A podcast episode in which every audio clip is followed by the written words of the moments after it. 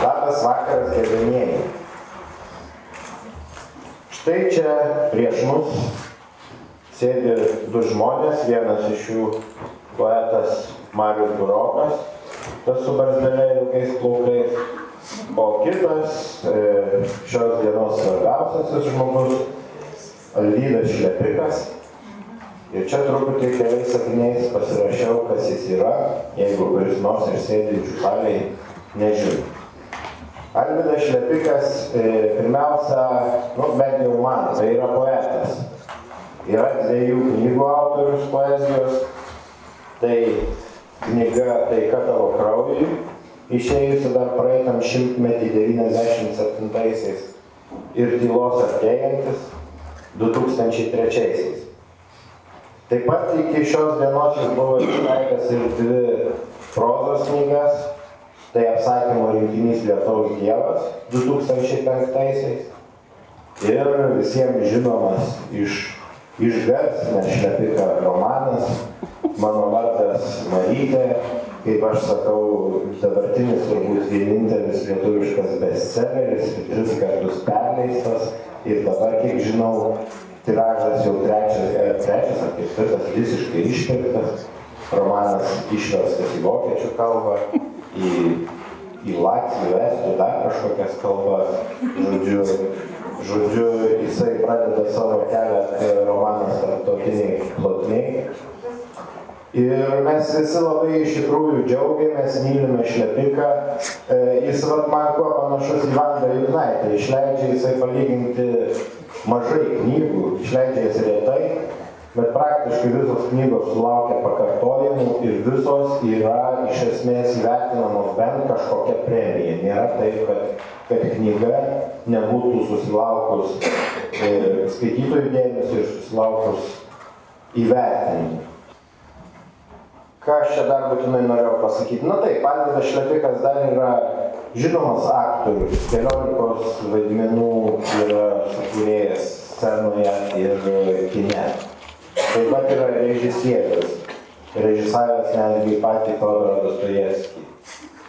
Taip pat jis yra scenaristas, serialų kūrėjas ir netgi įvertintas tenai yra sidabrinė gervė. Man Alvydas yra, esu rašęs tokį eilėraštį savo knygoje patys paprasčiausiai burtažodžiai. Ir ten surinkau prie vieno stalo, tarsi į paskutinėje vakarienę, surinkau 12 svarbiausių savo poetų. Būtent tik iš gyvųjų rinkausi. Galiu visus išvardinti. Tai buvo Vytautas Bložas, Sigitas Geda, kuris tuo metu dar buvo gyvas, Marcelijus Martinaitis, kuris tuo metu dar buvo gyvas, Tomas Venslova, Donaldas Kajokas, Aidas Marčėnas, Sigitas Parulskis, Alvydas Šlepikas, Gintaras Grajauskas, Daivis Šimonis ir Atmas Ališauskas, jeigu teisingai atsimenu, buvo tokie. Dabar pora iš jų jau yra natusybėje, dar pora neaišku, ar, ar jie literatūroje, ar jie dar parašys. Tai metas tą 12 papildyti kitais autoriais, bet visą šitą monologą sakau dėl to, norėdamas pasakyti, kad Alvydas Šlepikas man yra labai svarbus kaip poetas ir, ir po Lietaus Dievo šito senojo leidimo išleisto 2005 metais Ir pradėjau jį gerbti ir vertinti labai kaip prozininką.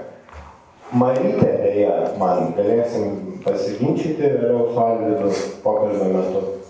Marytė man nėra tai, kas, kas Alvydo kūryboje yra svarbiausia. Na, bestselleris, viskas gerai, bet tai, kas yra atsakymuose, kas yra Lietuvos Dieve, Marytėje to nėra. Tai pirmiausia, herojai turi savo vidų, turi savo charakterius, turi savo sielas, turi savo autentišką kalbėjimo būdą. E, e, erdvėje ir laike visa tai yra konkretu. Beje, nežinau, kaip jums vasarį sėdintiems, e, nūdienos proza manęs, iki manęs dažnai neprisikasa vien todėl, kad veiksmo, veiksmas ten vyksta kažkokiu abstrakčiu laiku, abstrakčioje vietoje. Ir herojai irgi tar, tarsi apputuotais visais kontekstais, kurie buvo iki jų, už jų, staiga toks vat, įvykis vidur tuščio lauko. Ir man neįdomu, jis tai nėra apie mane, man sunku tapatintis su tokiais herojais. Tai nėra apie mano laiką, tai nesprendžia mano dvasinių problemų. Alvido šlepiko lietaus dievas, va būtent kaip tik tai, e, ka, e, kas man kaip, e, kaip lietuviui, kaip Lietuvos gyventojui, kaip nūdienos gyventojui yra svarbu. Tai yra ir man, ir apie mane. Taigi, dabar e, konkrečiai prie knygos. Ši knyga, kuri dabar nauja, parodysiu ją, kurią šiandien pasitinkame, vėlgi jinai vadinasi Lietaus Dievas, pridurta ir kiti. Knyga yra tokia pati kaip ir šita, tik tai papildyta šešiais dar atsakymais. Alvydas neieškojo naujos kompozicijos, atskyrė tokių spalvotų lapų, kad žmonių, žmonių neapgaudinėtų, tiesiog nauji, šalia naujų, pridėjo Ir buvo praturtėjo mano galva ta knyga, kuri ir šiaip, kaip jau kalbėjau, buvo taip pakankamai turtinga, išbaigta. Visko man joje užteko. Ir kai aš sužinojau iš paties Alvido prieš kokius metus, kad jisai leis ne kitą apsakymų knygą, o tą pačią papildymą, pradžioje galvojau, nu kam, ar tikrai, nes ten atrodo visko jau buvo tiek, kiek ir užtenka tai knygai. Bet, kai perskaičiau dabar šitą naują, manau tikrai, kad ne veltui jinai pildyta ir, ir jinai tikrai praturtėjo. Ypatingai man labai patiko apsakymas Valančelė, taip pat išleistųjų varsas kurios, e, kurie šitie apsakymai iš tikrųjų labai labai prilimpa prie tos lietaus dievo jau išleisto anksčiau, tiek pagal stilistiką, pagal savo kontekstus. Ir herojaus vardas tik tai va, e, vienas skirtumas. E, ankstesniai knygoj Prancisaus Danius arba tiesiog Danius buvo vienas iš daugelio herojų, kuris tik tai šmėsteldavo mūsų akies horizonte Tai vienoje vietoje dėdukas tupėdamas medyje jį charakterizuoja, tokių tai nemėgstu, tokių tai nemėgstu, tinginys, pijokas, žodžiu, blogas jaunuolis kaimo. O kitoje vietoje mes matome, kaip Danius tiesiog geria su pagrindiniu veikėjų apsakymo, kaip jis vadinasi dabar tas apsakymas. Langas į suo langas į sodą. Tai, tai tiesiog jis ten liud, labiau liudininkas veiksmo negu pagrindinis veikėjas. Dabargi šitie visi šeši atsakymai, jie ta nauji, tarsi Danių bando paversti pagrindiniu knygos herojumi ar bent jau pasakotoju. Tai toks esminis galbūt būtų pasikeitimas.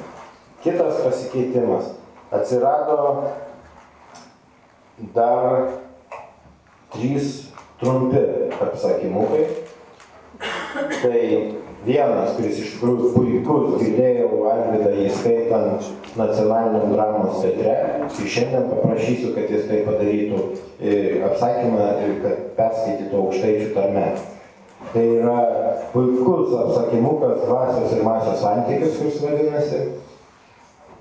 Ir ten tokių su patosu, su tokiu, aš nežinau, kaip Antano Baranausko anykščių šilelis. Tu nepasakok. Ir parašyta, parašyta apie tokį taurų reikalą kaip samanės vakymą. Tai nuostabu, paklausysiu.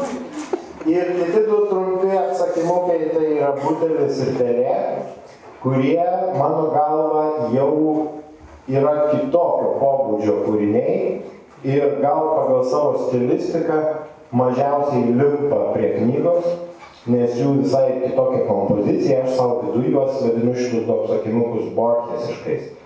Mm, gal aš ir neteisus, bet aš paaiškinsiu, kodėl taip vadinu, nes tai yra labai trumpas, neva, pabrėžiu žodį, neva būtinis pasakojimas pradžioje ir netikėta trojasi per galvą pabaiga, kuri tą pasakojimą, kurį jau buvom perskaitę kaip paprastą, staiga pametėja visiškai į kitą semantinį lygį. Ir tai yra trumpučiai ir visai kito, kitokio kalbėjimo. Dar vienas apsakymas, e, kur, kur, kuris atsirado knygoje, vadinasi Tamsa. Marius, e, kurį pakviesiu kalbėti to jau pat po savęs, šitą apsakymą pagirs, nes jam jisai labai patiko. O aš e, manau, kad jisai silpniausias knygoje, pirmiausia dėl to, kad ten yra aprašomas tas, kas jau man nusibodo. Močiučių žudimas, žodžiu. Gyvena vieniša močiutė, ateina jauni banditai, ją merginą užkalkina ir atima pinigus. Tai aš jau šitą siužetą lietuvių prozoje skaitau kokį septintą kartą, galvoju, kada iš, išžudysim visas tos mačiutės vargšės. Va, tai, tai tuo man kliuvo, o, o Marius pasakys, kad nepaisant to, tai yra puikus tamsos aprašymas vaizdo naktį, visas tas. Ačiū, ačiū. Kviečiu kalbėti dabar Marių Broką.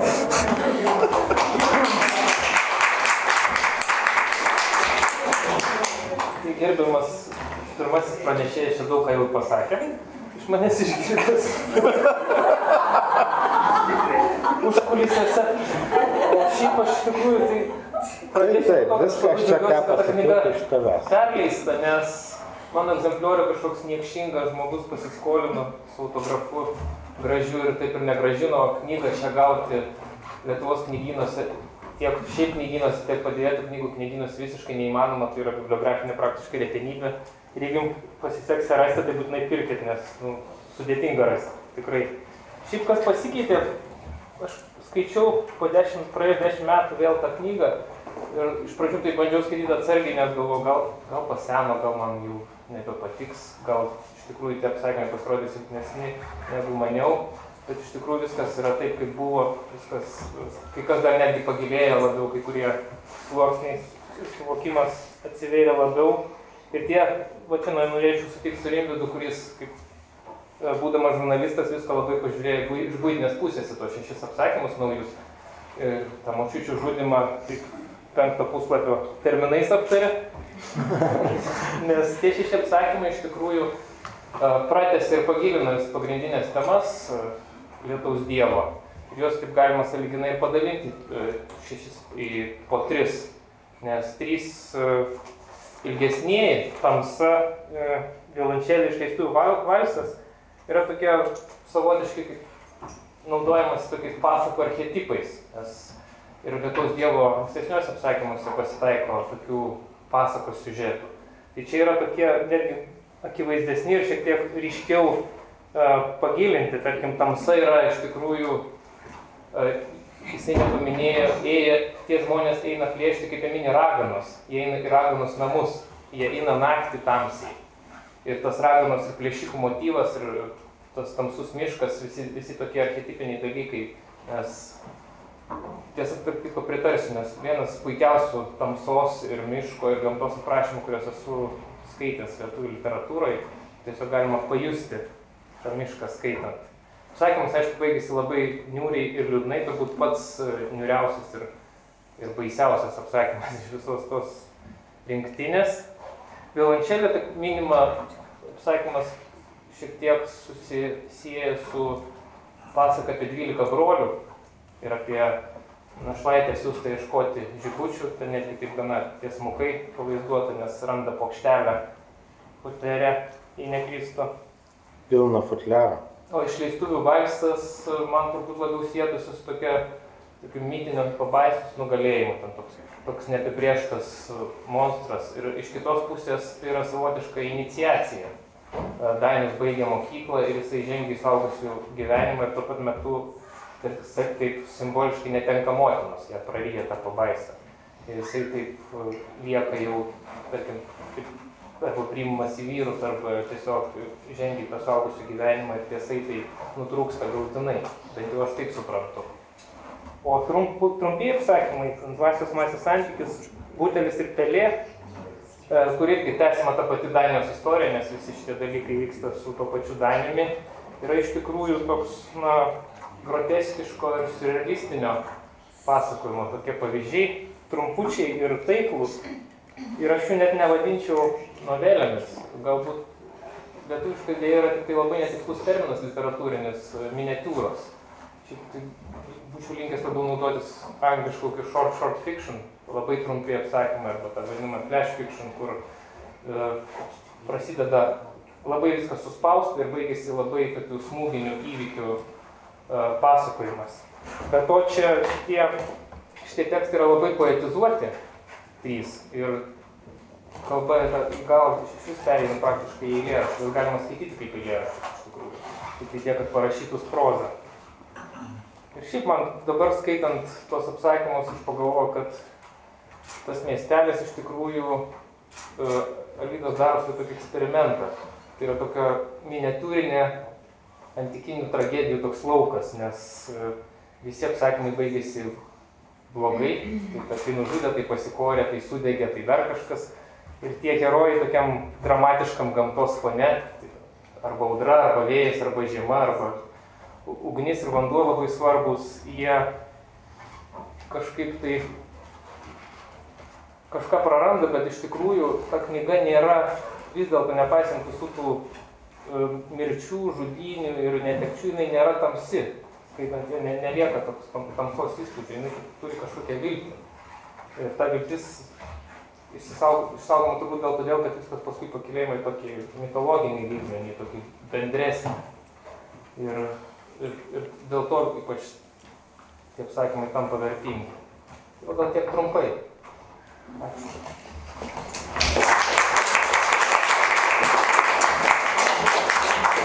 Ačiū Mariui. Dabar norėčiau paprašyti, kad Alvidas mums ką nors paskaitytų iš savo novelių, nes vienas dalykas jis skaito labai gerai, o kitas dalykas, kai gražiau bus ir įdomiau kalbėtis, kai žinosim, apie ką kalbam, nes galbūt sakė yra neskaičius. Ilgesnė, trumpesnė galbūt ir per ką? Ar ilgesnė? Savo nuožiūrą. Aš nežinau.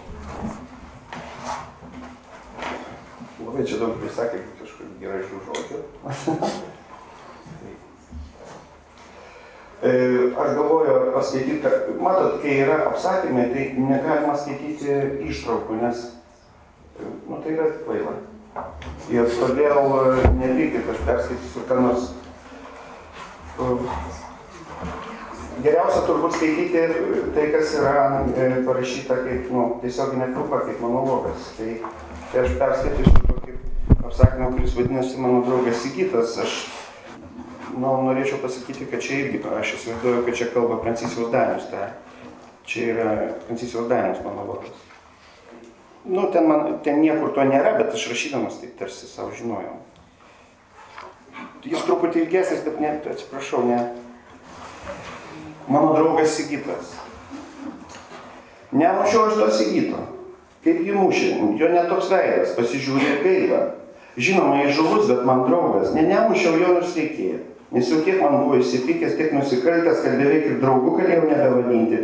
Bet kai nuėjau pas jį, radau gulinti lauko virtuvėlį, nes įtėvė išvyrė iš kambario, nebeleido ten mėgoti, kažkaip net pagailo tada jau guli pusgirtis, kažką vapa, prisirijęs, matyt kokio velnio, nes iš kur jis, nes iš kur jis geras šnapso gaus, niekur sigitas nedirba.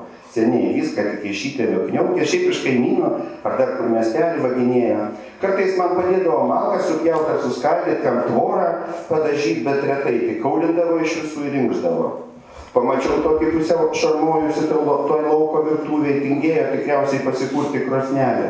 Obolius pašalusius valgė, Pokštelėjau skiauščių delną per ausį jam tiek, nes mūsų tokio pasigailėjimo verto vaikystės draugo negalėjau. Todėl ir nemušiau. Juk šiaip žmogus jis buvo neblogas. Kad man dabar nusikalto, taip, mane taip vailai pakyšo ir taip nuliūdino mano dukterėčia, kaltas jo polinkis prie dėktynės ir pinigų absoliutus neturėjimas. Todėl aš jam profilaktiškai trinktelėjau per tą slidų lapės snukį, bet mušti jo nebuvo jokios prasmės, pinigų jis nebeturėjo. Jeigu būtų turėjęs, tai būtų šnapsu apsistatęs ir dainavęs linksmas, apie mėgojęs. arba akordeonų grojas. Akordeonų grojas ir garsiai dainavęs. Girdėjau, kad iš vaikų namų įtėviai paėmė, todėl kad buvo toks mažiukas baltapūkis, o akordeonų grojo linksmai įrodęs, kad jokio liūdėsio nėra jo gyvenime, jokio vargo, tik akordeonas ir minklus pirštai ant juodų baltų klavišų. Nepagalvoja tada įtėviai busimieji, kad gali girtuoklišką sėklą prasiveršti, kas apie tai iš anksto nuspės. Dabar jau seniai įtėviams jis kaip kaulas gerkliai įstrigęs, pats kaltas. Aš suprantu tos senukus, nes pats nespėlyja ir paseno. Čia jau sikitų reiktų gerai kailį iškaršti. Pats mačiau kelis kartus, kaip jis prieš tą senutę savo motiną ranką buvo pakėlęs, mušė ją keulę. Aš nekis nesikišau. Kodėl turėjau kištis? Bet kad nesikišau, tai dar nereiškia, kad pateisinau tos jo veiksmus. Juk praktiškai ta moteriškė buvo kaip motina jam. Motina ir buvo, kol jis nepradėjo dėti ant visko, nieko nedirba, nieko nesimokyti. 30 jam jau kažkeli, o vartėsi namuose, lakė, senukų pensijas pragėrinėjo viskas, nieko daugiau nedarė, todėl tai ir atsisakė, išmetė į lauko virtuvėlę. Aš vietoj seniai būčiau tai padaręs. Į lauko virtuvėlės nebūčiau jam palikęs. Dar ir pavardę būčiau atėmęs už tokius darbelius, nes ir sitoriau turėjo įtėvio pavardę Sigitas Neverauskas. Bet dėl to sakau, man rankų teptis nebuvo jokio reikalo. Ne man, į žmonių santykius kištis. Dar tai savo motinai netikrai tai, kad ir buvo bjaurus, tai vis tiek ir pati, nors senutė, bet labai jau balsinga tokia įkyri. Galima sakyti, kad bjauri bobelė, tokie susitraukus pusragai, ne bet seniukas tas neverauskas. Tai buvo mūsų paeinantis ligonis. Sigitas ir jo nesirūpino, beveik net žmogų nelaikė. Bet šiaip Sigitas buvo neblogas ir smagus, ir kompanijskas, draugams geras, nors man kiaulystė iškėtė, nemalonumą mano seseriai. Tad važiavo su vyru, su dukra, man iš anksto paskambino ir paprašė, kad nusiskuščiau, kad negerčiau gal kiek, kad namus apkuopčiau. Nu nieko namuose blogo nebuvo, kaip visada, bet tas ponas, seseriai sarmata, nieko tas jos Andrius, bet net plašo gerklį neima, žiūri kažkaip keistai, lyg sakytų, smirda čia pas jūs kažkoks direktorius, beveik nesikylino, aš labai stengiausi akise jam dažnai nemirguliuoti. Sesuo irgi tokia švaruolė dabar rodos, kad ir šik nevaišto viską plovė, šlavė, tempė laukan, vedino. Aš kentėjau, bet gal ir gerai, kad dirba mane, rūpinasi, juk jie kitaip gyventi įpratus. Manęs pas save nekarto nepakvietė, nors aš nesiveržiu. Labiausiai iš jų man patinka dukterėčia mano Agnytė, gražuolė, balta plaukė, garbanuotas, lygčio kaip mažas gandriukas su raudonom kojinėm, bet sesuo man tik nelys prie Agnytės, mirta, sako tau iš burnos, nelys dar pargrius, neduok to, nerūkyk prie jos, neduok ano, nekelk medį, Tai kur vaiką kelt, o kai dar jai patinka, nori vaikas lakstyto, kad ir nugrius porą kartų koją nusibrodys, nu tai kas? Juk vaikystė. Ta mano sesuo pati visas turas nusidėjo jau vaikystė ir visus kaimynų berniokus akmenim apmėtydavo, o savo akmenį nieko neleidžia, saugo nuo visko. Kas jau ten atsitiks, kad aš ant kiemo parūkysiu, kad ir netoli jos. Jau galėjo džiaugtis, kad kambarinę rūkiau. Savo kambarinę rūkiau. Galima sakyti, kad aukojau. Tiesa, dar paskui sesuo man 40 litrų nenorėjau imt, bet tai duoda imk, smirda iš burnos, sakė man, smirda. O ko, ko ten man smirdėti tu iš tos burnos? Tom dienom tik alaus susigytų išgėriau, pavaišinau, jį jų draugas. Prasigėręs, bet vis tiek draugas. Todėl nemušiau jo, tik šiaip profilaktiškai pakėliau už atlapų, pasižiūrėjau tėliuko akis ir nusvedžiau ant apšalusio obolių krūvos kaip maišą. Tokie dabar tie mūsų santykiai. Santykiai anksčiau draugavom, kartu visur vaikščiom, kartu išgerdavom vyno ar ko, aš tai nevengiu darbo. Ir užsidirbo, negaliu sakyti, kad man labai pinigų trūktų, nors trūksta suprantama kaip visiems, bet aš pavyzdžiui, jeigu turiu 20, tai 10 palieku, neprageriu visų, juk reikia apie ateitį galvoti. Sigitas greit prasigėrė, štai mažutis, organizmas netikęs, Sako, vaikų namuose nelabai ir pavalgė, įgydavo, gal todėl toks ir tai išaugo. Bet ūgis nesvarbu, svarbiau kas kita. Kol jis buvo dar toks visai neprasikėręs, tai linksmas buvo, smagus, grodavo, anegdotus pliekdavo, kortam fokusų mokėjo daugybę ir grodavo ne tik akordeonų, bet ir gitarą, ir pianinų, joniką. Vakarais vasarą būdavo taip smagu pasiklausyti, kaip Sigitas skambina gitarą ir dainuoja apie Ramunėlę arba apie Trakupylį. Smagu būdavo išgerti natūralaus kartu, pasižiūrėti iš žvaigždės. Įsivaizduodavom, kad ten aukštai palidovai, bet tai sukasi aplink savo ašį ir stebi visatą, gaudo signalus iš tolimų galaktikų. Kas galėjo tada pasakyti, kad gulės tada Sigitas apsimyžęs lauko virtuvėlį? Ne, negalėjau aš mušti jo po viso to, kas per gyvenimą kartu buvo patirta. Sigitas vis neturėdavo pinigų ir anksčiau, tie įtėviai taip geri sukčiai pasiemė vaiką, o vis tiek visai savo nelaikė. Sigitas pasakojo, kad jau už kokį menką nusikaltimą na indų ten nesuplovė, kelnes netyčia ten kažką perplėšė. Uždarydavo ją tamsioje kamaroje, arba liekdavo bulbių daigų šaltam rusys kabyti, juk galima tai daryti kieme, kur saulė kur šilta, bet ne.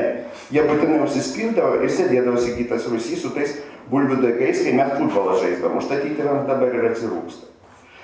Bet ne apie tai čia dabar, dabar apie linksmą sigyto charakterį, apie išradingumą. Taigi, kai jis neturėdavo pinigų, bet vis tiek norėdavo išgerti, parūkyti ar dar ką, tada imdavo ir sugalvodavo kokią nesąmonę, kokias lažybas. Prisimenu, dar būdamas paauglys, sukirto iš kažko, kad dabar, dabar nežinau, sukirto iš kažko dabar nežinau, kad perės naktį per miestelio senasis kapinas, bet ne šiaip perės, o eidamas, kad penketą žingsnių vis uždeg degtuką ir sušoks. Čia aš Sigitas Neverdauskas, nieko nebijau, eikit vilniop numyrė. Tai aišku, kvaila, bet tada buvo jokinga. Mes palaukėm vidurnakčio, naktis pasitaikė tamsi, net žvaigždžių nebuvo, švilpė vėjas ir reikia pasakyti, kad nepaisant visos mūsų bedėvystės vis tiek darėsi kraupoka. Apėjome kapinės iš kitos pusės, ten kur plentų pylimas prie autobusų statelės, ta vieta yra kiek aukščiau negu kapinės ir beveik visos, visos matyti kaip ant delno. Naktį, žinoma, mes nieko nematėm, bet laukiam, kol sygis uždegs degtuką ir sušus. Pagaliau išlystelėjo kapinėse švieselė ir išgirdom jo balsą. Medžiuose siautė vėjas, todėl nelabai kas buvo girdėti, tačiau vis dėlto buvo aišku, kad Sigitas sušuko. O paskui atsitiko kvailas ir juokingas dalykas, kuris mus visus labai išgazdino. Praėjus keletui minučių, kai vis girdėjom iššūkaujant ir iššūkaujant ir matėm švyščiant liepsnelės, taigi Sigitas, kad sukliks, o paskui tyla. Išsigandom visi. Turotavos kelnių nepridėjo. Buvo tikrai baisu, nes klykė jis visai nejokingai. Tada lažybų Sigitas nelaimėjo, nes išsikapstė iš kapinių jau nebešūkaudamas ir degtukų nebedegiodamas išlindo gal tik po pusvalandžio. O atsitiko štai kas, eidamas per kapines, beveik apgraipom ir degiodamas degtukus, kurių liepsnelės keiščiausiais atspindžiais atsispindėjo poliruotose ant kapių paviršiuose, retkarčiais nušviesdavo mirusių nuotraukas ir vardus, retkarčiais kokio seno krūmo šaką judinamą vėją, jis ganėtinai prisigąsdino. Dar tas vėjo užžalimas medžiuose, žodžiu, užteko jam baimės ir taip besibraunanti per mirusių pasaulį į kažkas, kad griebs už kojos.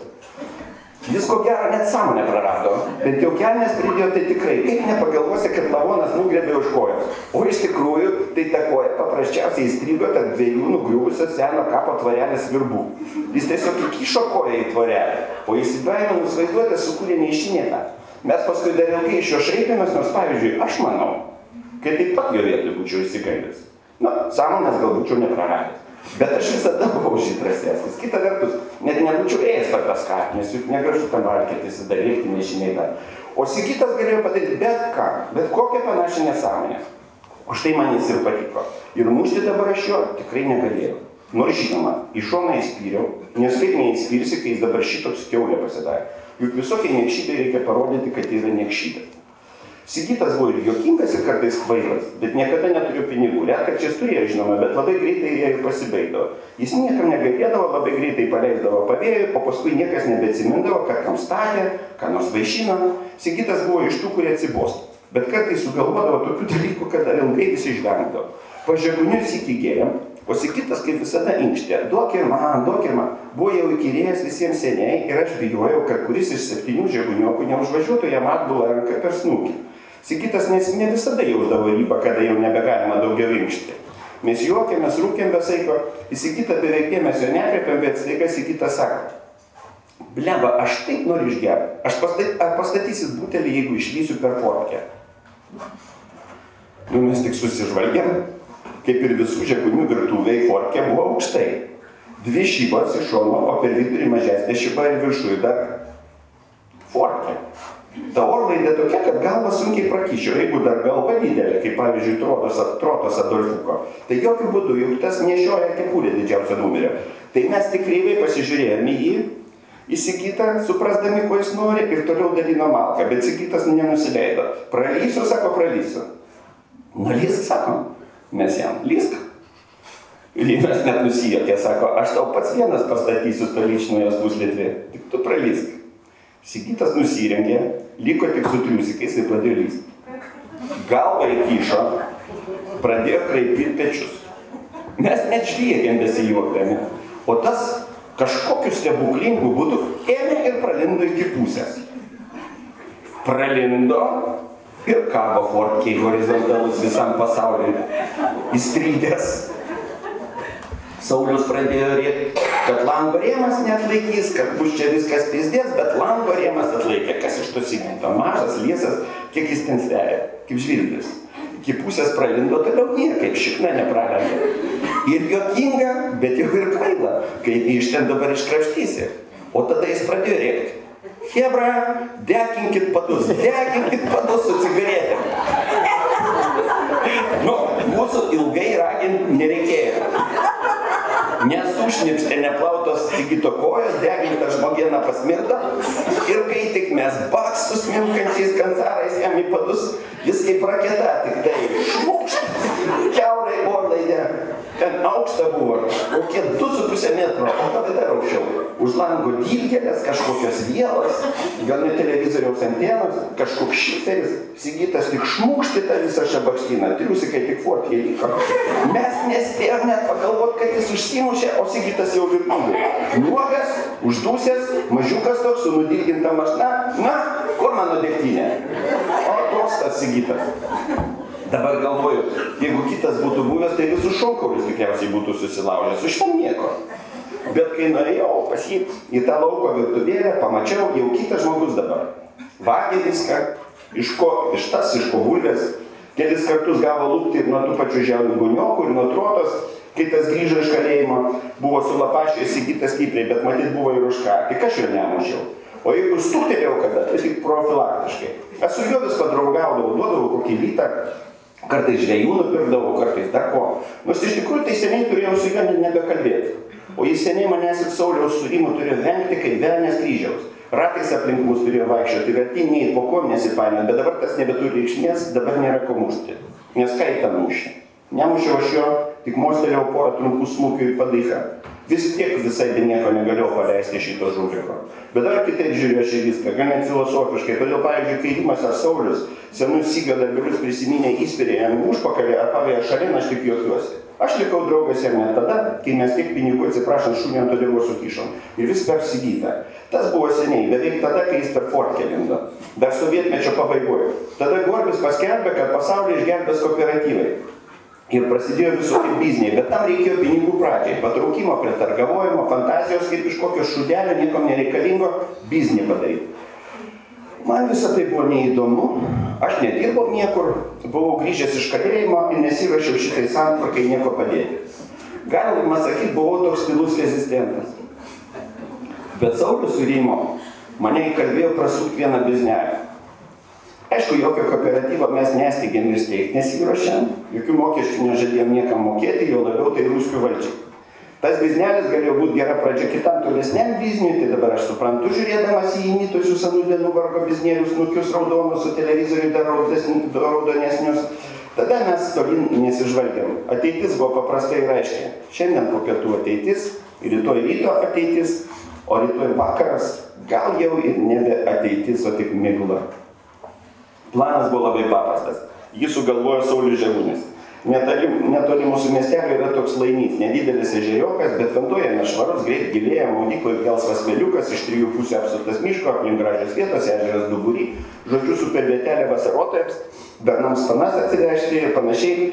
Kai vasara karšta, tai palaini žmonių netiršta, o tada jokio serviso ten nebuvo, jokio kiosko nieko. Saulis pasiūlė atvežti alaus ir rūkytų keulės ausų stimbirių, parduoti du kart brangiau ir pasidaryti biznį.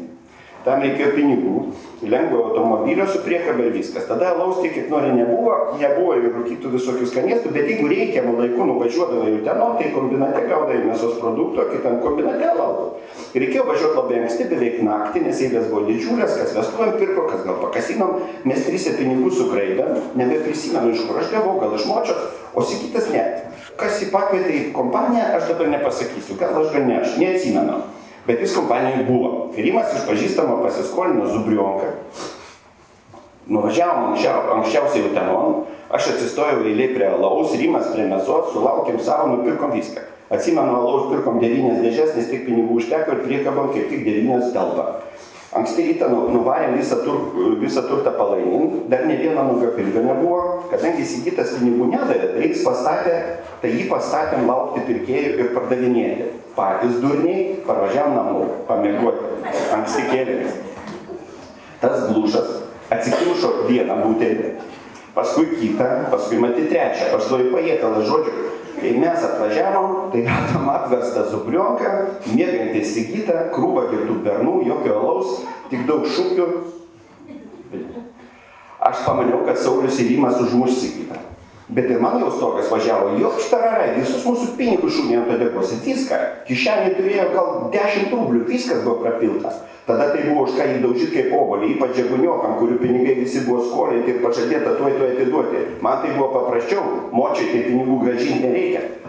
Tada negyniausi kito, dar ir pats pridėjau. Na, bet tikrai buvo už ką. Žinoma, patys durni, kad jį pavyko, bet atrodė, kas čia jį ir parduota alų sausim. Tada nebereikalų jis gavo, nusipelnė. Dabar aš taip pat priežastį turiu, bet kad nebėra ką mušti. Ką jį ten apspangusi mušė, sušalusi visą toj savo lauko virtuvėje, spyriau kelis kartus profilaktiškai ir, ir viskas. Užmiršau papasakoti, kas man pridirbo. Sakiau, sakiau, sesuo su šeima atvažiavus buvo, viską šveitė, viską lauką nešė, visas padiškas, visas kaltas, visą patalinę viską. O jos vyras mano atsičvokeris. Tai nosiraukė, lūpas kūtė, visur prisilies bijodamas, tokius rėbės parandys, taštešnis, kaip tik toks kipas, kokių negaliu pakesti. Na, nu, aš su Agnytė po kiemą vaikštinėjau. Paskui atėjo Sigitas, pasėdėjo man soliuko, išgėrė malaus, aš kažkur nuėjau. Grįžtu, nėra Sigito. Nėra jau. Išėjo. Išėjo išėjo, tik gaina, kas man. Paskui tik girdžiu, Agnytė rauda, dviratėlio nėra. Iš pradžių man negalvo nešoja. Paskui tik sprakmintis Sigitas. Taip ir buvo. Aš nuėjau iki sodelio, Agnytė paskui nubėgo, dviratėlės ant kiemo liko. Tai šitas pizdukas įgytas, nė nemirkelės nuo mūsų kiemo, augė Agnytės dviratėlį ir pardavė. Kas galėtų susilaikyti tokiu atveju? Kas? Bet aš susilaikiau. Aš irgi nešventasis, bet tik tintelėjau per snapą į porą kartų tiek. Kokia buvo prasme jį mušti? Agnytė jau išvažiavo su mano seserė ir mano švogerių direktoriu, dviratėlis parduotas, pinigai pragerti, nebebuvo pra, prasmės mušt, todėl ir nemušo aš to sigito. O man, ble, sako, kad aš jį užmušiau. Nesąmonė.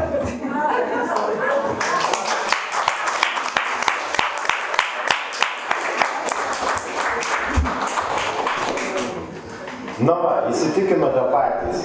Tai e, kas yra tas šlepiko stilius ir šlepiko šviesumas. Iš tikrųjų, kartais atrodo paradoksalu, apie ką, apie ką sakė ir Marius, kad e, knygoje iš tikrųjų pilna gana, gana požiūrių vaizdų, tokių mizanscenų.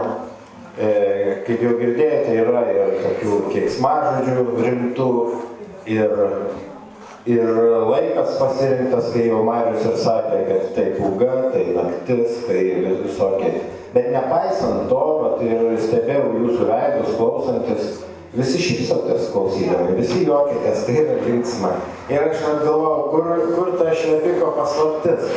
Iš tikrųjų, e, iš kur mat, tas toks atsiranda. Ir pirmiausia, prisiminiau, kad savo bohemiškoj jaunystėje labai mėgdavau su Alvydu Šlepiku gerti. Buvo iš tikrųjų mano mėgstamiausias e, sugerovas dėl to, kad jisai išgėręs imdavo pasakoti. Pasakorius jis yra puikus ir pasakodavo būtent apie savo videniškės, apie molėtų kraštą, apie konkrečius tų vietų personažus, e, apie kunigėlį, kuris e, varnom šaudyti pasidaręs tam tikrą šaudyklę, kai eina daužo į bažnyčios sienas. Žodžiu, įdomu būdavo lygiai taip pat ir mes tada visi jo draugai sakydavo, man tai surašyk, surašyk visus šitus atsitikimus, nutikimus, nepaisant ar tu juos sukuri, išsigalvoja, jie tikrai yra buvę, nes yra nuostabi literatūra. Tai mm, šitas va, pasakojimas, jisai jo turėdavo vieną esminių bruožų, jis visą tai darydavo su begalinė meilė tiem žmonėm, tam kraštui, tam būdui, nepaisant to, kad jie yra netobuli ir turintys savo įdų, bet kita vertus jie, kaip jau sakiau pradžioj, turi ir savo sielas. Tai yra iš tikrųjų labai svarbu skaitant, visai kitaip suvokiu tą literatūrą. Kas dar? Dar Alvydas turi puikų humoro jausmą ir jeigu jisai, pavyzdžiui, aprašo kažkokį tokį baisų dalyką, kokį ką tik tai girdėjote, tai jisai koduoja tekstą, jisai labai gerai sutarė su žodžiu, ne veltui yra poetas, jisai pasirenka tam tikrą distanciją per ironiją, per šaržą, tokiu atveju, kad, kad žmogus nebūtų gazdinamas e, skaitydamas netgi iš esmės baisiais dalykais. Ir tas poetiškumas, apie ką jau ir Marius užsiemi, man irgi yra Alvido labai svarbus. Kitas iki perskaitęs Alvido apsakymą, pajuti dvi du malonumus. Vieną iš, kaip iš prozos, kitą kaip iš poezijos. Tarkim, apsakymas Lapė, pabaiga, tas neatsilieka. Aš, man negėda, aš prisipažinsiu, man padarė kaip poetų įtaką šitą novelę ir aš tuo metu rašiau savo knygą Laužiu antspaudą ir pas jį baigėsi neatsiliepa, o mano ciklas Valgala baigėsi aš neatsiliepiu. Ir tai yra sąšauka dviejų kūrinių ir ta, tai matyti tas pats, tas pats krūvis suteiktas. Dabargi aš norėčiau, kad ir Marius man padėtų ir mes Alvydą truputėlį pakamantinėtumėm, priversdami jį šiek tiek plačiau papasakoti apie save kaip rašytoją apie šitos knygos kūrybą. Tik tai aš galvoju, gal geriau Alvydas tegul stovi, o mes sėdim. Gerai. Vis tiek malonu bus matyti tave, negu mane.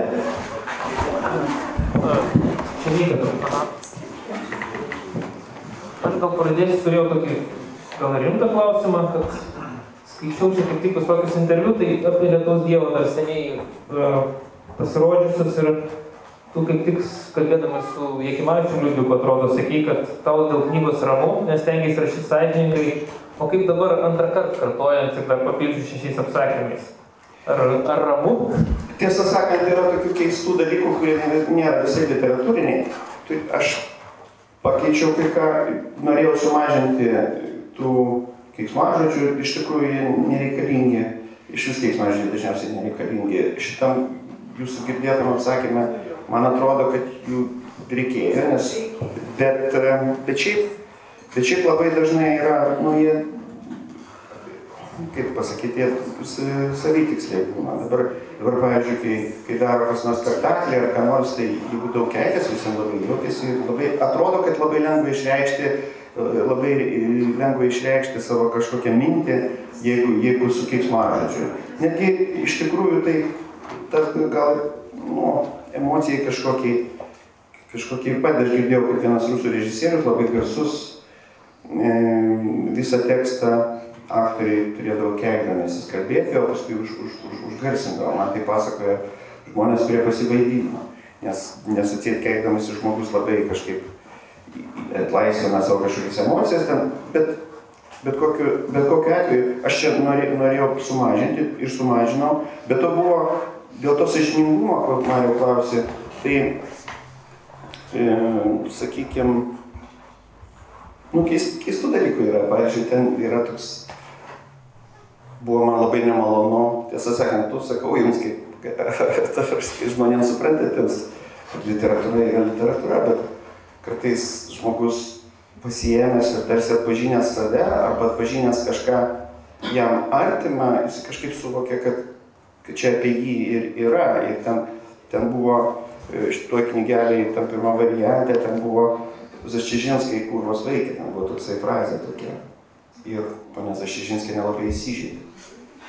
Nors, ta prasme, aš aš, to, aš, nu, nes aš pažinojau Zašižinskus, tas Zašižinskas buvo mano vaikystės draugas, bet, nu, tas keiksmažodis kartais yra toks, man, man jisai, pavyzdžiui, tas atkreipinys, jis atrodo, nu, jį apriekia toks puskvailis žmogus ir man atrodo, kad jisai neturi jokios prasmės, tas žodis, tik tai turi tik tai kaip toks, pasirodo, nu, kai kam labai nemalonus. Tai Nu, buvo tokių dalykų, kur, arba, pavyzdžiui, kiti, pavyzdžiui, Lietuvos Dievas apsakymė, mano mylima teta, Inna, mano pusbroliui sakė, kad taip, taip, aš atsimenu, taip ir buvo.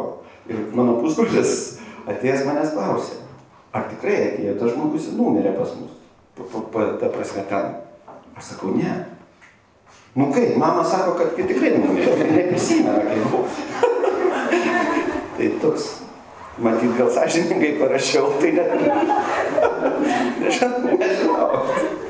Dabar videniškai gyventojai 10 metų ramiai gyveno, dabar vėl.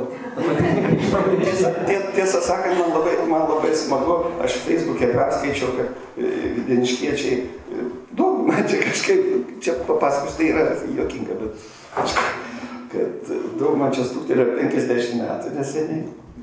Ir ten, du videniškėse sugalvojo paskaityti mano tekstus, susirinko kažkoks kaip ir klubas. Ir mano buvusios mokytojas ir ne tik. Ir skaitė, ir skaitė tą progą atsakymą gegužės sukūriai. Ir iš šitos knygos, nu, ir visur atradinėjo, koks čia žmogus, kaip kur jis gyvena, kaip ir.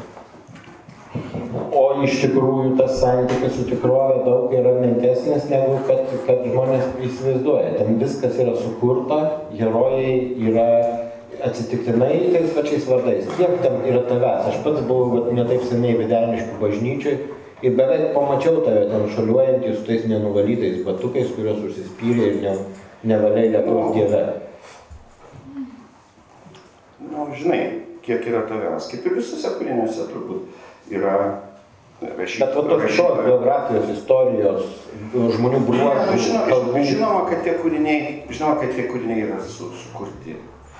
Ir, bet yra labai, labai toksai įdomus dalykas, kad, e, kad tikri vardai ir tikros pavardės, jie turi, bent pačiam tau rašančiam, aš pajutau tai, kad jie turi labai kažkokią didelę jėgą ir tam tikrą, jie labai labai padeda.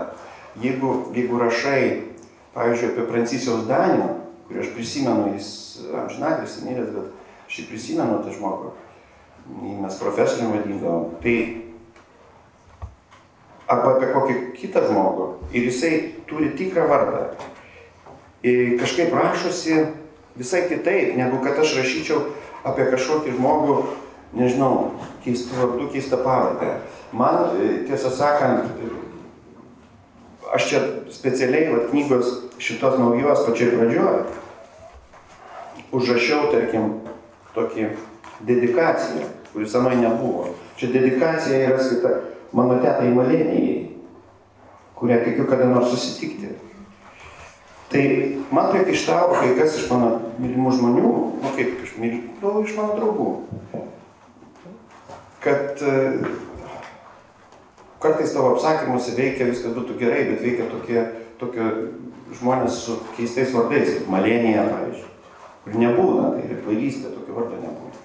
Bet tai iš tikrųjų mano tėtos vardas, tai mano, mano tėvo, mano tėvas 16 metės sesuo, 16 metų mirusi, kuri, kuri aš tik ant antkapio mačiau, jos, jos vardą, bet tai tas vardas, tai tikras O e, dabar e, kalbėjom mes su Marium apie knygos kompoziciją, labai noriu, norėčiau iš tavęs išgirsti. E, vienas dalykas, ar taisei kiek nors savo senas, senus apsakymus, ar jie tokie patys abiejose knygose? Kitas dalykas, kodėl nebandėjai į, įpinti tų apsakymų, o sudėjai naujesnius į pabaigą? E, tiesiog įdomu. Nu, viena, kad, sakau, šiek tiek taisiau nedaug, e, stengiausi truputį pašvarinti, atsisakyti, atsisakyti kažkokių tai, nu, nereikalingų barbarizmo, nereikalingų dar kažko, tai galų gale redaktoriai Janina man irgi kažką tai, kažką tai pa, pasiūlė. E, Nors, nors šiaip, šiaip, e, šiaip aš peržiūrėjau kažkiek Bet iš esmės tai aš jų nieko neperrašinėjau. Aš turiu tokią lygą, kad aš kai pradedu perrašinėti, tai labai nesustoju. Ir, ir, ir tik tai blogėja tas tekstas labai dažnai. Bet e, dabar, o kodėl aš ne, ne, jų neįdėjau vis, į vidų tų šešių tekstų? Neįdėjau todėl, kad... E, neįdėjau todėl, kad iš tikrųjų, kaip tu ir sakiau, sakėjai, aš nenorėjau apgaudinėti žmonių, kad jie, nu, kad neatrodytų, nes buvo galimybė, buvo siūlymas ir galbūt kitaip pavadinti tą knygą, visai kitaip kitur. Bet aš įsivaizduoju nusivylimą, jeigu žmogus skaitė ir paskui pasiima, nusiperka, o, o ten pasirodo, kad ten yra tas pats, arba, arba nu, tai yra nesmagu ir, ir nesinori žmonių tikrai apgaudinėti. O kitas dalykas, kitas dalykas, kad šitie šeši apsakymai, jie visi yra skirti, tokios kaip ir skirtingos stilistikos ir skirtingus, gal net, nu, nežinau, net žanrų, pavyzdžiui, tas va tamsa, kuris kalbėjo apie tą apie tą įėjimą naktį. Jis yra toks iš principo kaip anegdotas, bet toks iš, išvystytas, išdidintas. Nu, ne anegdotas, žinoma, jis taip žiaurus, bet, bet e, tokia savotiška parabolė. Ir ten, kaip aš įsivaizduoju, ten netgi kažkur yra gaurai, žodis gaurai. Tai, tai ta prasme, jų net, ar net kailis galbūt yra žodis, tiksliai neatsimenu.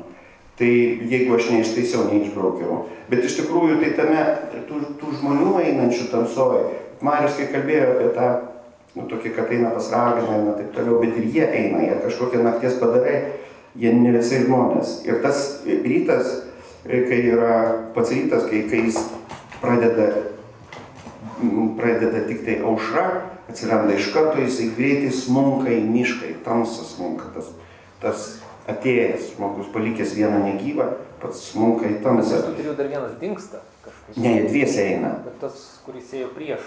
Priešais irgi ėjo du. O. Eina du. Kad Vieną iš vienų papjovė, Ne, ne. kitą iš kitų.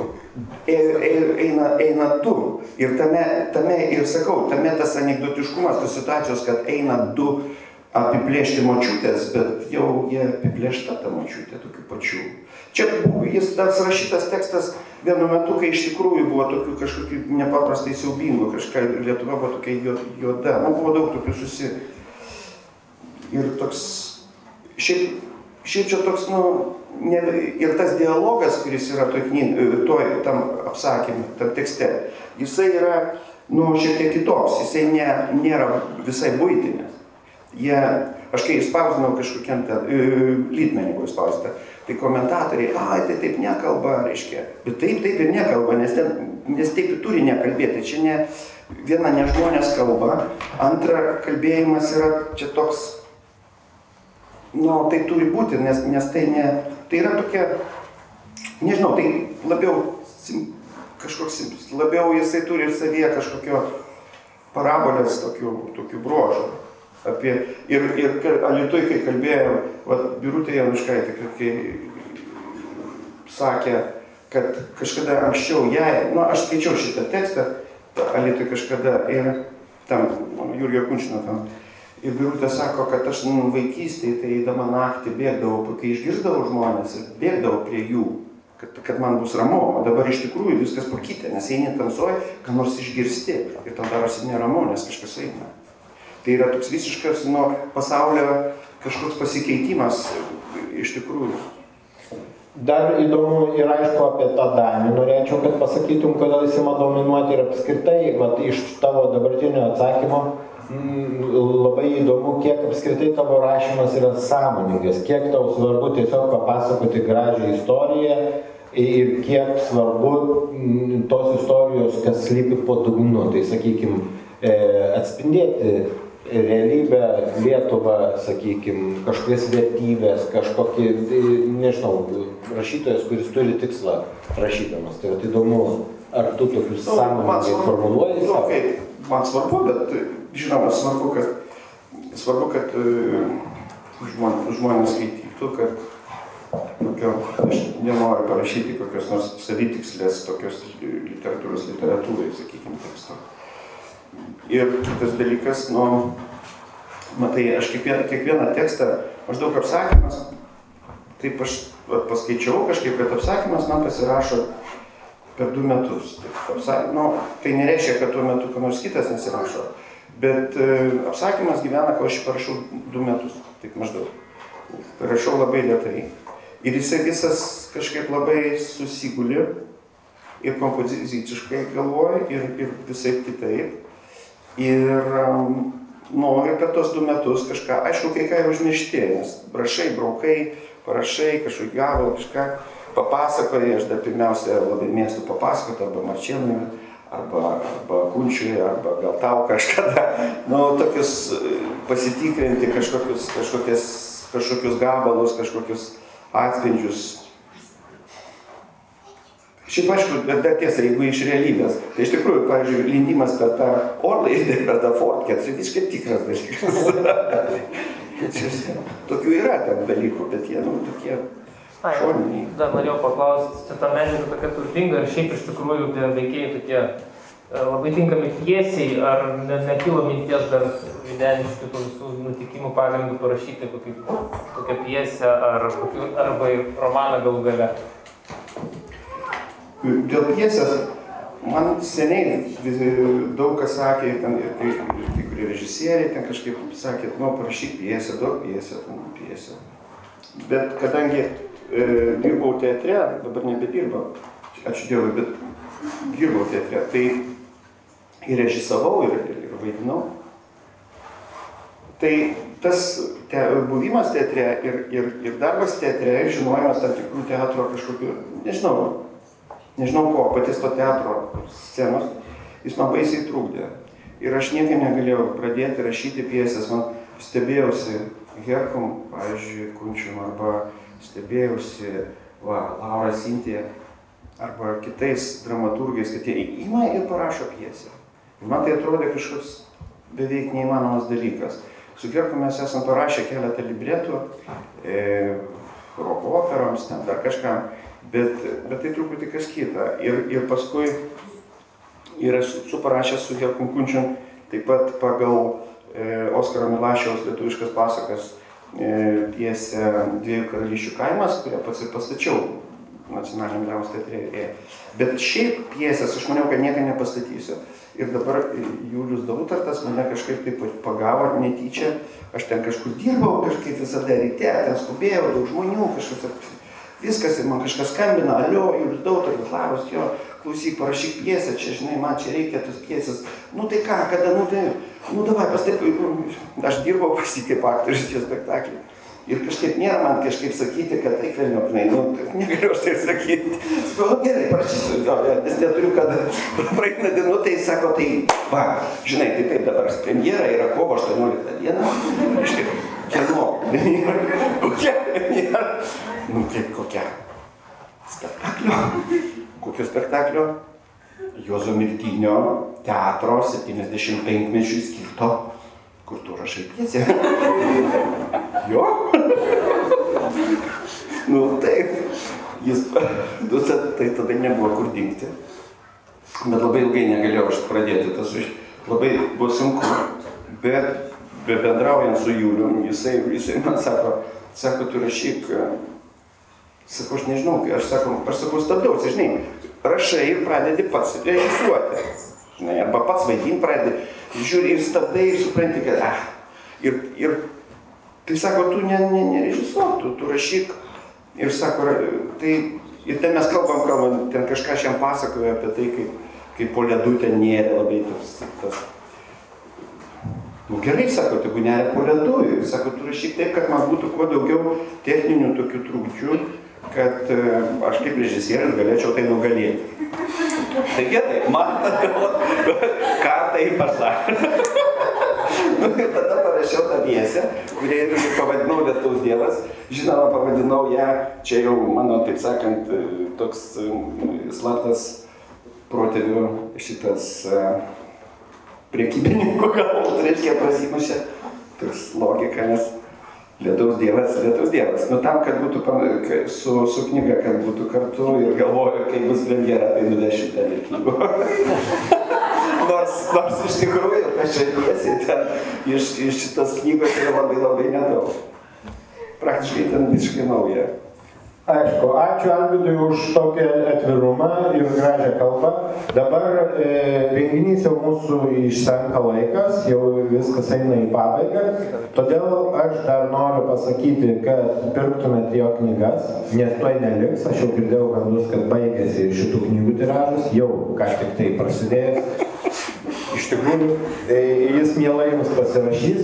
O dabar renginį pabaigti prašau Alvido dar vienu paskaitimu ir prašau, kad paskaitytų aukštaitiškai. tai gal dar kas klausimas turės? Ta pažiūrėjau. Jeigu turėsit klausimą, klauskit.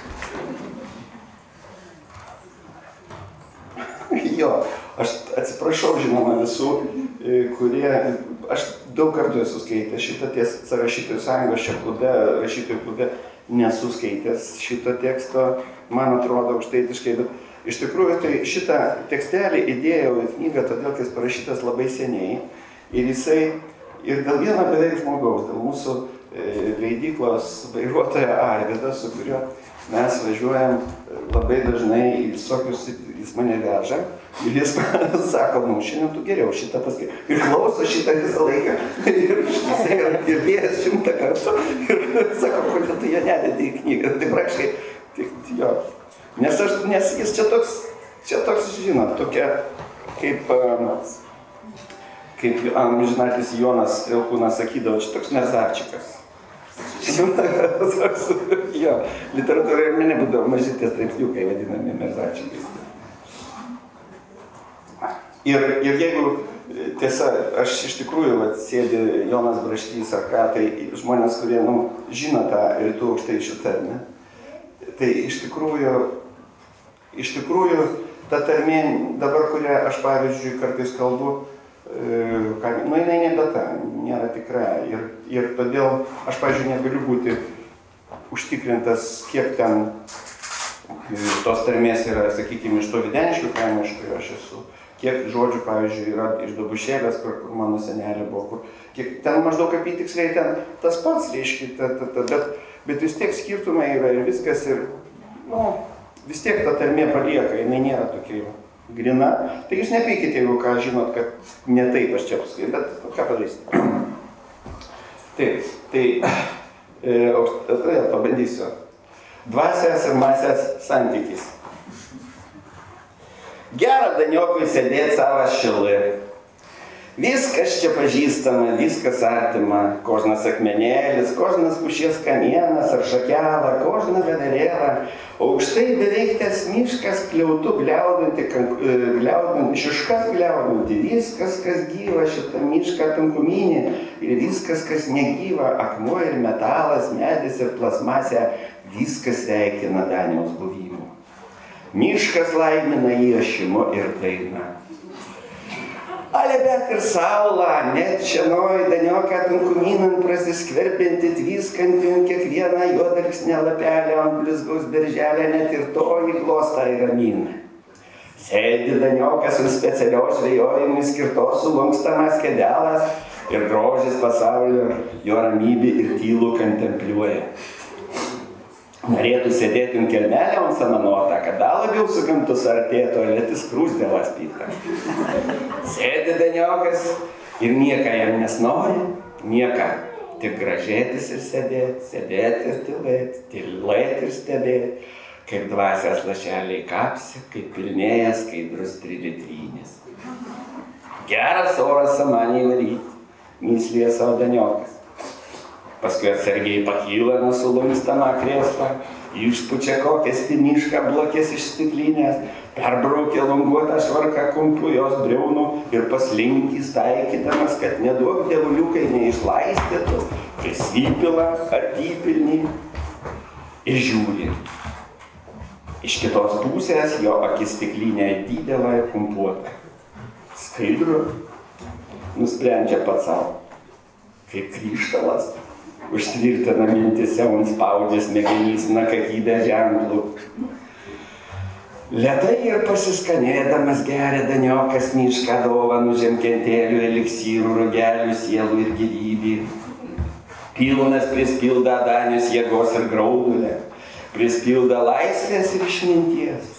Kožnas jutiklis dabar unjungtas, nebe žmogus dabar daniokas, a viena didžiulą jūslai, katroji viskų jungta Ir vienas didžiulis protas, katras viskų supranta.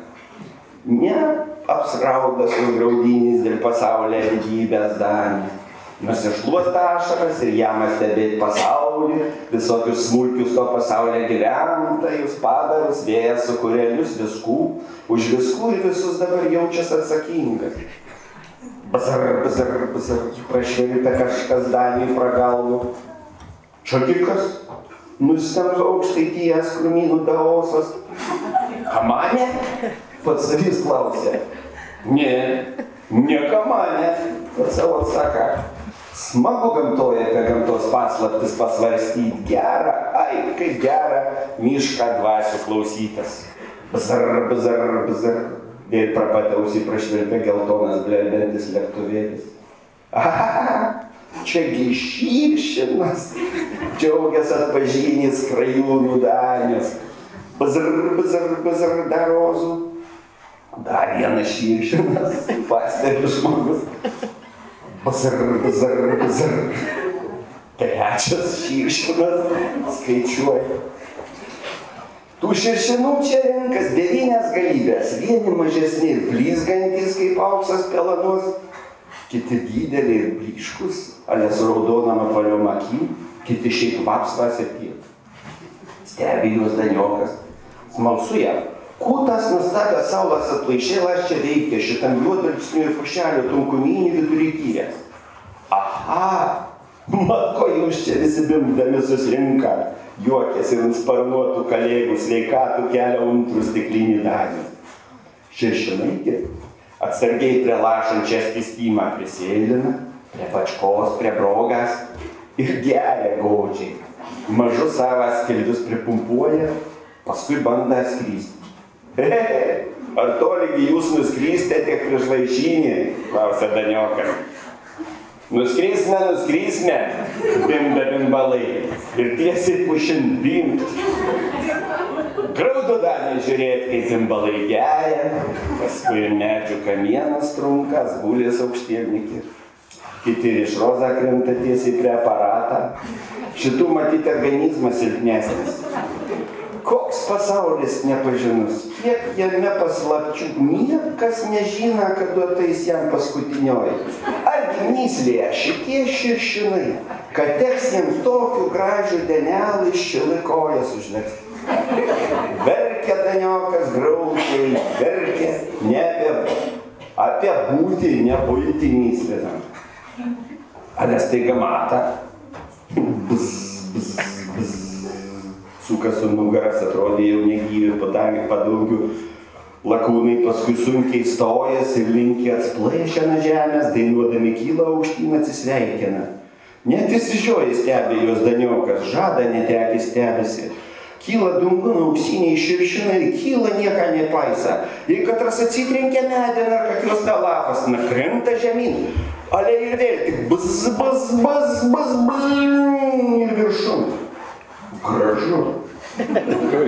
Myslė dalis. Ale dėl ko tie, kur mažesni, atrinkime džen trumpiau, trumpiau guli. A tie, kur didesni, ilgiau. Paslaptis. Visur paslaptis. Čia tikriausia paslaptis iš fizikas lepinių. Koks nors masės ir dvasės santykis. Mums begėja Danius ir stačia galvą medžian. Net sugaudžia medis, matyti, kad muzikalus. Virsta aukštienikas Danius įgūlė. Bimbė susirūpinė širšinai. Kas žino, kiek gulės tas didžiulis bimbalas? Kas žino, koks jo dvasės ir masės santykis?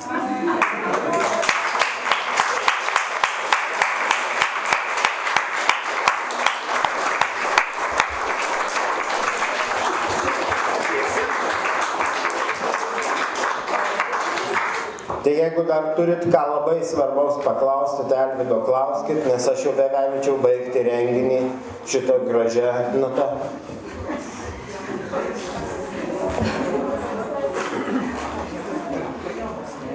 Viskas. Plojam dar kartą. Neikite parašų.